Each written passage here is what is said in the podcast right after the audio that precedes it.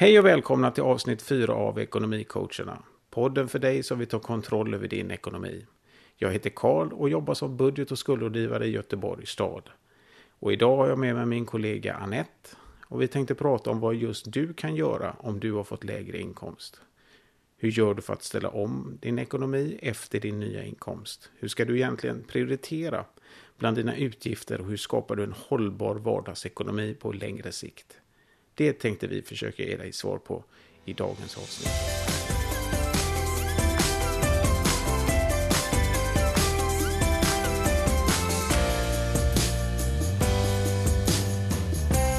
Ibland händer det att man får lägre inkomst och det kan ju bero på flera olika saker. Det kan till exempel vara att man har blivit av med jobbet, att man jobbar mindre än tidigare eller att man har blivit sjuk. Och en lägre inkomst får såklart konsekvenser för privatekonomin.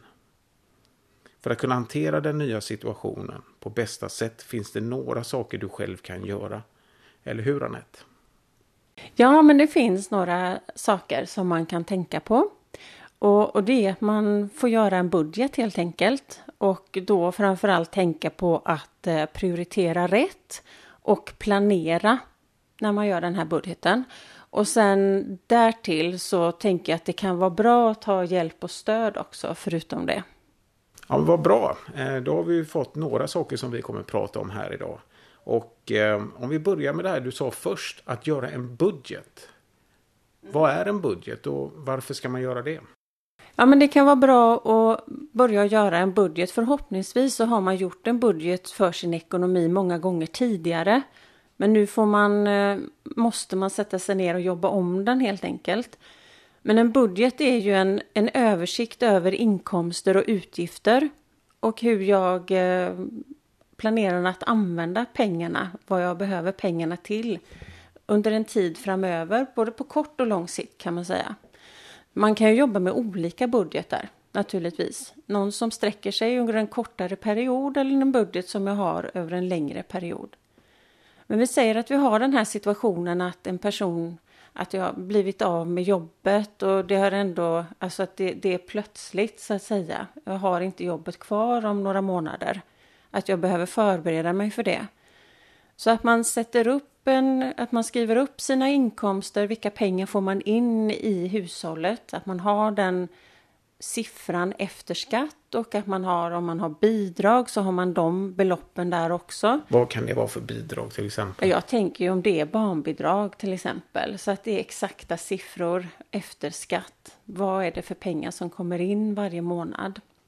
Om det är studiebidrag som man får för ett eh, barn som då bor hemma men går i gymnasiet och då har man ju inte de pengarna över sommaren till exempel utan det betalas väl ut tio Eh, Eh, månader per år. Så att man kollar här, vad är det för pengar som kommer in de närmaste månaderna? Och sen då se vad kan man skära ner på. Eh, det kan vara utgifter som man kan ta bort ganska snabbt. Eh, om det är en någonting man har tänkt att göra med vänner som kostar pengar. Man ska åka ut på någon dagsresa någonstans. Men man kanske, kan, man kanske får ta bort den då för att man inte har råd med den den här gången. Kan det inte vara så att man också säger upp Netflix-abonnemang, alla typer av abonnemang som man kan ha, streamingtjänster med? Absolut efter ett par månader kanske man har rensat lite mer där. Att det inte går att ta bort utgiften bara på dagen men att man kan ha rensat lite. Så att man får den här riktiga överblicken på vad man kan skära ner på helt enkelt. Om det är så att det är en sån låst situation och man kanske har skulder att betala och sådär också. Att man... Du menar räkningar som man inte har råd med? Ja, precis. Att man kommer efter med en betalning som hamnar hos inkasso. Det där kan ju gå, det kan gå ganska snabbt ibland att eh, räkningen faktiskt går vidare till ett inkassoföretag. Så tänker jag att man, eh, man tar tag i situationen. Det är väl det som är huvudlinjen där. Att man inte sticker huvudet i sanden och skjuter upp för mycket saker liksom till morgondagen utan man tar tag i situationen. Är det så att det är en faktura som förfaller, man inte har betalt den och det går till ett inkassoföretag, kontakta dem samma dag och prata med dem. Vad, har, vad finns det för möjlighet att dela upp den här betalningen? Ett tips skulle väl kunna vara också liksom att man redan när man får räkningen som man ser att man inte kan betala. Att man kontaktar den som har skickat räkningen. Absolut. Min erfarenhet av att ha träffat många konsumenter som har varit i den situationen är ju att om det till exempel rör sig om en elräkning eller om det rör sig om till exempel en mobiltelefonräkning så är de här företagen väldigt medgörliga.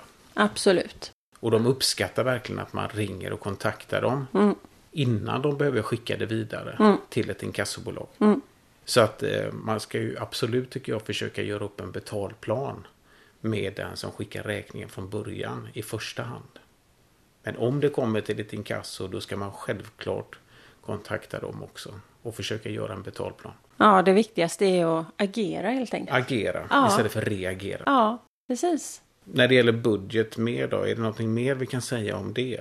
Att den blir gjord, tänker jag. Som sagt var, det behöver inte vara så att det är första gången man gör en budget. Mm, Utan det har man ju någon form av planering kring sina pengar. Har man förhoppningsvis haft tidigare också. Mm. Eftersom man då har en inkomst redan. Men att man sätter sig och jobbar med det här igen. Och eftersom det kanske blir en väldigt eh, snabb förändring helt enkelt. Men om man tycker det är tråkigt då?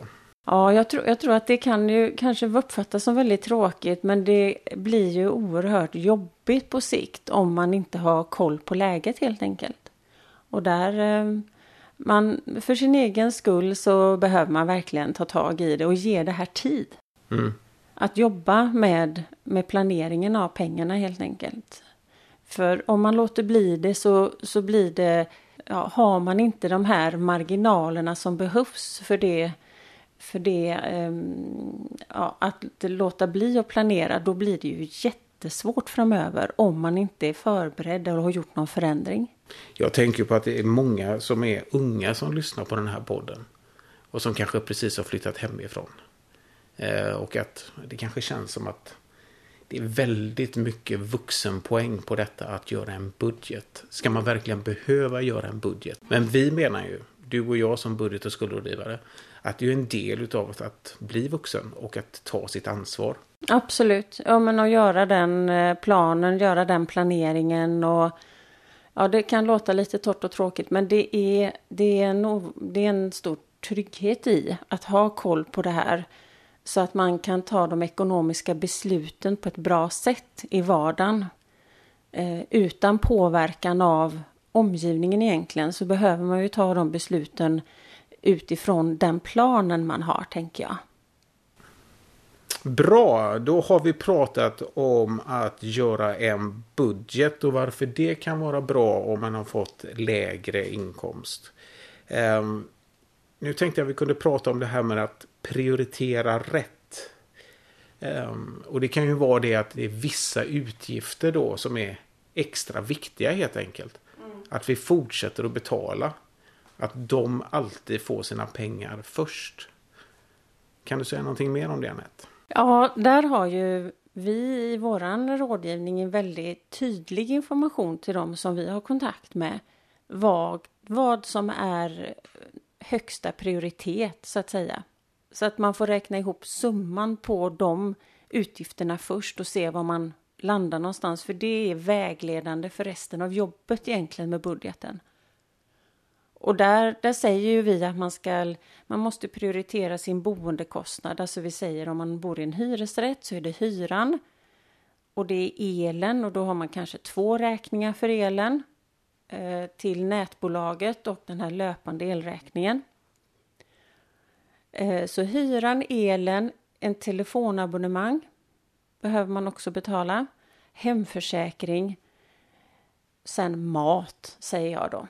Sen så kan det här, det kan se lite olika ut naturligtvis. Eh, att ge bara ett rätt svar på det här. Det är så, så fyrkantigt är det inte riktigt. Men hårdraget när, när man har kontakt med oss och man ibland då kan ha problem med ekonomin. Då är det ju det här vi fokuserar på först.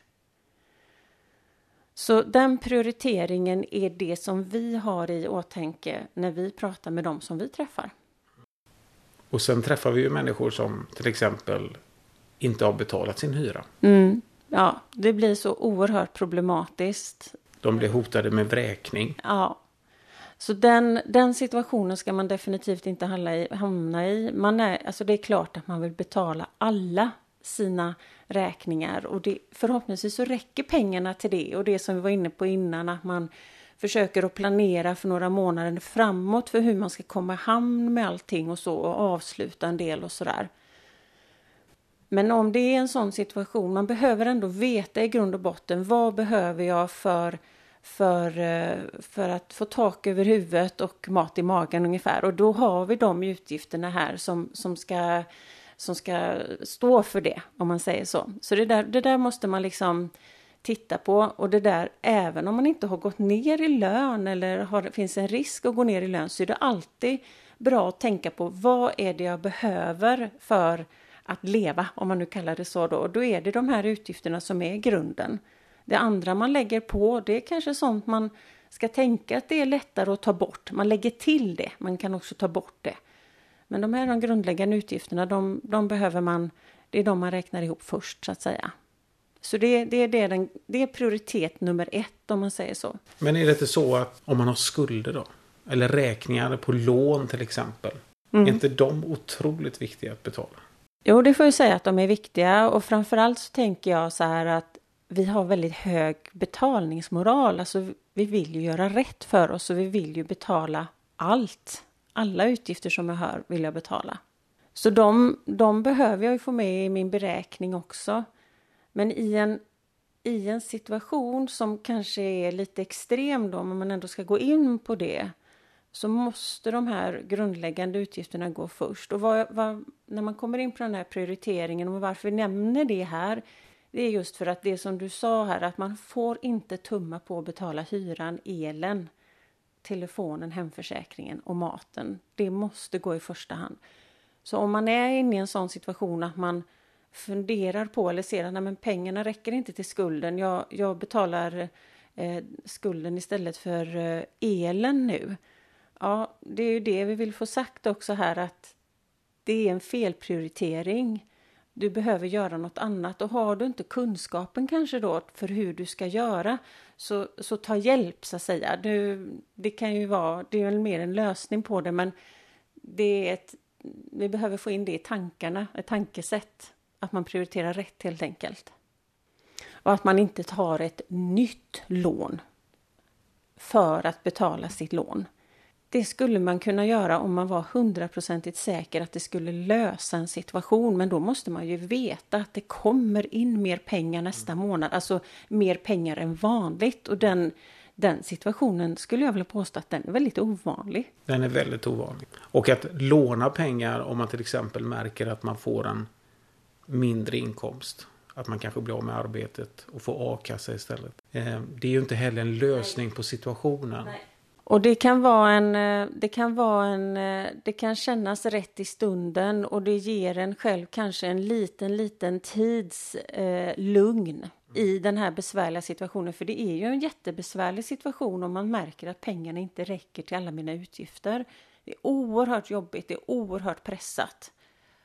Och eh, man kanske tänker till och med att oh, nu, kommer jag, nu kommer jag få Kronofogden efter mig och då händer det ju massa jobbiga saker och, och, det gör det ju för sig men det behöver inte hamna där. Så att man, man behöver agera som jag sa innan och, och just prioritera rätt till en början med åtminstone så man ser var man ligger någonstans. Nej, man behöver inse och acceptera att man behöver göra en förändring och vilka prioriteringar man behöver göra. Så det, det, det kan ju vara jättejobbigt men det blir ännu jobbigare om man inte gör den där förändringen och, och börjar ändra idag så att säga. Samtidigt när vi pratar om detta så låter det som att det här är någonting som skulle pågå för evigt. Att man blir av med sitt jobb eh, och att det är för evigt. Men det är ju inte så vi tänker. Utan förhoppningsvis så är det här att man får en under en begränsad period en sämre privatekonomi. Men att sen att man kanske kommer tillbaka till sitt arbete eller att man får ett annat arbete och på det sättet också ökar upp sin inkomst igen. Ja, men att man kan lägga sin energi på att eh, söka nytt jobb. Eh, om man har svårt att prioritera i sina utgifter och att det blir fel där så att säga, då går det oerhört mycket energi till det. Det är väldigt jobbigt, det är väldigt ansträngande. Man behöver egentligen ha fokus istället på att eh, söka jobb och kunna börja någon annanstans. Så nej, men förhoppningsvis är det tillfälligt och eh, man får ändå med sig en hel del. Man lär sig ändå en hel del på vägen tänker jag om man gör det här tuffa jobbet med att dra ner på utgifterna och ställa om helt enkelt. Mm. Ja, men då har vi ju pratat om att göra en budget tidigare och vi har pratat om att hur kan vi prioritera då vissa utgifter och eh, nu återstår väl det att prata lite grann om att kanske planera sina inköp. Mm. Varför ska man göra det om man har fått en lägre inkomst? Ska man inte köpa lika mycket som man har gjort innan till exempel? Ja, det är mer att man planerar de köpen som, som behöver, det som man har bestämt sig för i budgeten helt enkelt. Det, det är ju där planen eh, kommer ifrån. Vad är, det, vad är det för, hur mycket pengar har vi till eh, att köpa mat den här månaden till exempel? Då behöver man planera de inköpen och inte göra impulsköp, om man tar det som ett exempel. Då. Och impulsköpen, det, det blir väl ganska tydligt överhuvudtaget när vi pratar om det här med att man går ner i inkomst på grund av arbetslöshet till exempel. Då, kan, då, måste man, då måste man ju hålla sig till den budget man har ställt upp planera inköpen för maten över månaden. För om det blir för många så här impulsköp då, då ställer man ju det på ända lite grann. Så att det, det handlar om att hålla sig till den planen man har gjort från början helt enkelt. Och det är ju lättare sagt än gjort. Ja, för det här är en omställning som kan vara rätt kämpig. Men om man, om man gör det med en gång så har man ju redan nästa månad alltså kommit in i en tankesätt som gör att det är så mycket vinst i det. Gör man inte det här jobbet nu med att ställa om, planera sina inköp och dra ner på utgifterna, då blir det, man kan nästan lova att det blir jobbigare senare. Och det kan även, om, om vi säger att man, att man inte drar ner på de här inköpen utan kanske om man behöver handla någonting, att man alltid kontanthandlar tänker jag. Att pengarna ska försvinna från kontot i samma sekund som man gör köpet. Det är ju en sak när man går och handlar i en butik på gatan. Ja, ja. Men när man handlar på nätet då blir man ju oftast erbjuden kanske att betala via faktura. Hur ska man tänka där? Det stämmer. Det finns en mängd olika betalningsalternativ och även att dela upp betalningen på flera tillfällen och så. Men utifrån det, den ingången vi har i det vi pratar om idag när man går ner i inkomst så, så ska man betala sina inköp, tänker jag, omgående och eh, ja, betala med kortet och eh, så att pengarna försvinner från kontot. Om man ändå vill betala på faktura, ta bort pengarna från kontot så att man inte har dem som tillgängliga längre och flytta över dem till ett annat konto så man kan betala den här fakturan i tid. Och att man inte lurar sig och tror att man har de pengarna och använder dem. Så, för det blir en form av lån till konsumtion istället. Som, det blir ett lite lurigt ekorrhjul alltså. Som behöver ju ställa om sin ekonomi. Så den här ansträngningen man gör nu för att göra den omställningen, den har man ju så gott av. Man får ju prova sig fram liksom och att man gör utvärderingar tycker jag. Men jag tänkte på en annan sak och det, kan, det var ju det här med det kan ju vara lite problematiskt att hålla isär pengar på sitt bankkonto. Det vill säga att om du har ett, en, ett, ett vanligt lönekonto där du har det kopplat ett bankkort och det är det du använder i butikerna. Hur ska man veta eh, vilka pengar som ska gå till vilket så att säga? Va? Ja. Och där tänker jag att ett bra tips är ju att nu med den nya tekniken med internetbanker i telefonen så har det blivit mycket, mycket enklare att spa, eh, öppna flera konton. Mm. Som man då kan namnge. Och att när man får in sin lön då och gör sin budget och betalar sina räkningar. Att man för över den summan till det kontot. Hur mycket man har budgeterat för det. Så att man på det sättet får den överblicken. Och sedan att man när man då ska handla att man för över den summan till eh, kortkontot så att säga. Så att det kan dras då från bankkortet. Ja, men jag förstår precis vad du menar och, och det där tycker jag också är jättebra. Att man, att man särskiljer. Och det där får man hitta tekniker för. Det, vi är lite olika där. Som man tidigare har varit väldigt spontan eh, i sin konsumtion så krävs det nu då mycket mera planering och att man då får handla mer med eftertanke. Ja, men exakt. Det är väl det vi menar. Absolut. Ja, nu har vi då eh, pratat om att göra budget och hur vi ska prioritera. Eh, och hur vi nu ska, senast pratade vi om att planera sina inköp. Ehm, allt det här låter ju jättebra men det låter ju väldigt, väldigt jobbigt. Ehm, och kanske lite tråkigt för en del. Men man behöver kanske inte vara ensam med det här tänker jag. Man kan kanske behöva ta hjälp eller prata med någon. Hur ska man göra då, Anette? Jag tänker också kan vara bra att ta hjälp om man känner att det är lite övermäktigt kanske. Att det är tufft att göra den här omställningen. För det handlar ju också om att man kanske försöker att hålla skenet uppe utåt.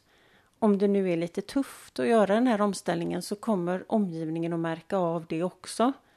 Och så får det väl vara då. Så ja, vi brukar ju ofta säga det att man inte bara håller det för sig själv utan att man just tar hjälp av omgivningen, någon nära vän. Och då tänker jag inte i första hand på att man ska låna pengar utan det handlar mer om att lufta det här som man tycker är lite jobbigt och man kan få lite bra tips och vi har ju, alltså man även tar kontakt med budget och skuldrådgivningen i kommunen om man vill det bara för att stämma av lite tankar. Men att inte, vara, att inte isolera sig för mycket där utan eh, att prata med andra, eh, få lite tips och få lite distans på det själv. Eh, det kanske är flera i omgivningen som upplever samma sak. Troligtvis så är det ju flera i omgivningen som kanske har en liknande situation. Men eh, jag tänker på det att vi svenskar är ju väldigt, väldigt dåliga på att prata om pengar. Så att tanken kanske kan vara att man börjar med den närmsta familjen åtminstone. Ja. Där kanske det inte upplevs som lika känsligt. Um, och att det kan ju vara också det att man får tips på hur man kan göra eller tänka. Det tycker jag hade varit en jättebra idé om vi blev duktigare på att prata om pengar. Ja. Och att det inte får vara, att det inte ska vara så dömande. Jag vet inte, det, det är det som kommer för mig lite grann att vi att man kan bli, ja men vad, har du slarvat nu? Alltså har du varit eh, har du inte varit noggrann nu utan slarvig med pengar? Det ligger på något sätt nära till hans att ha den fördomen.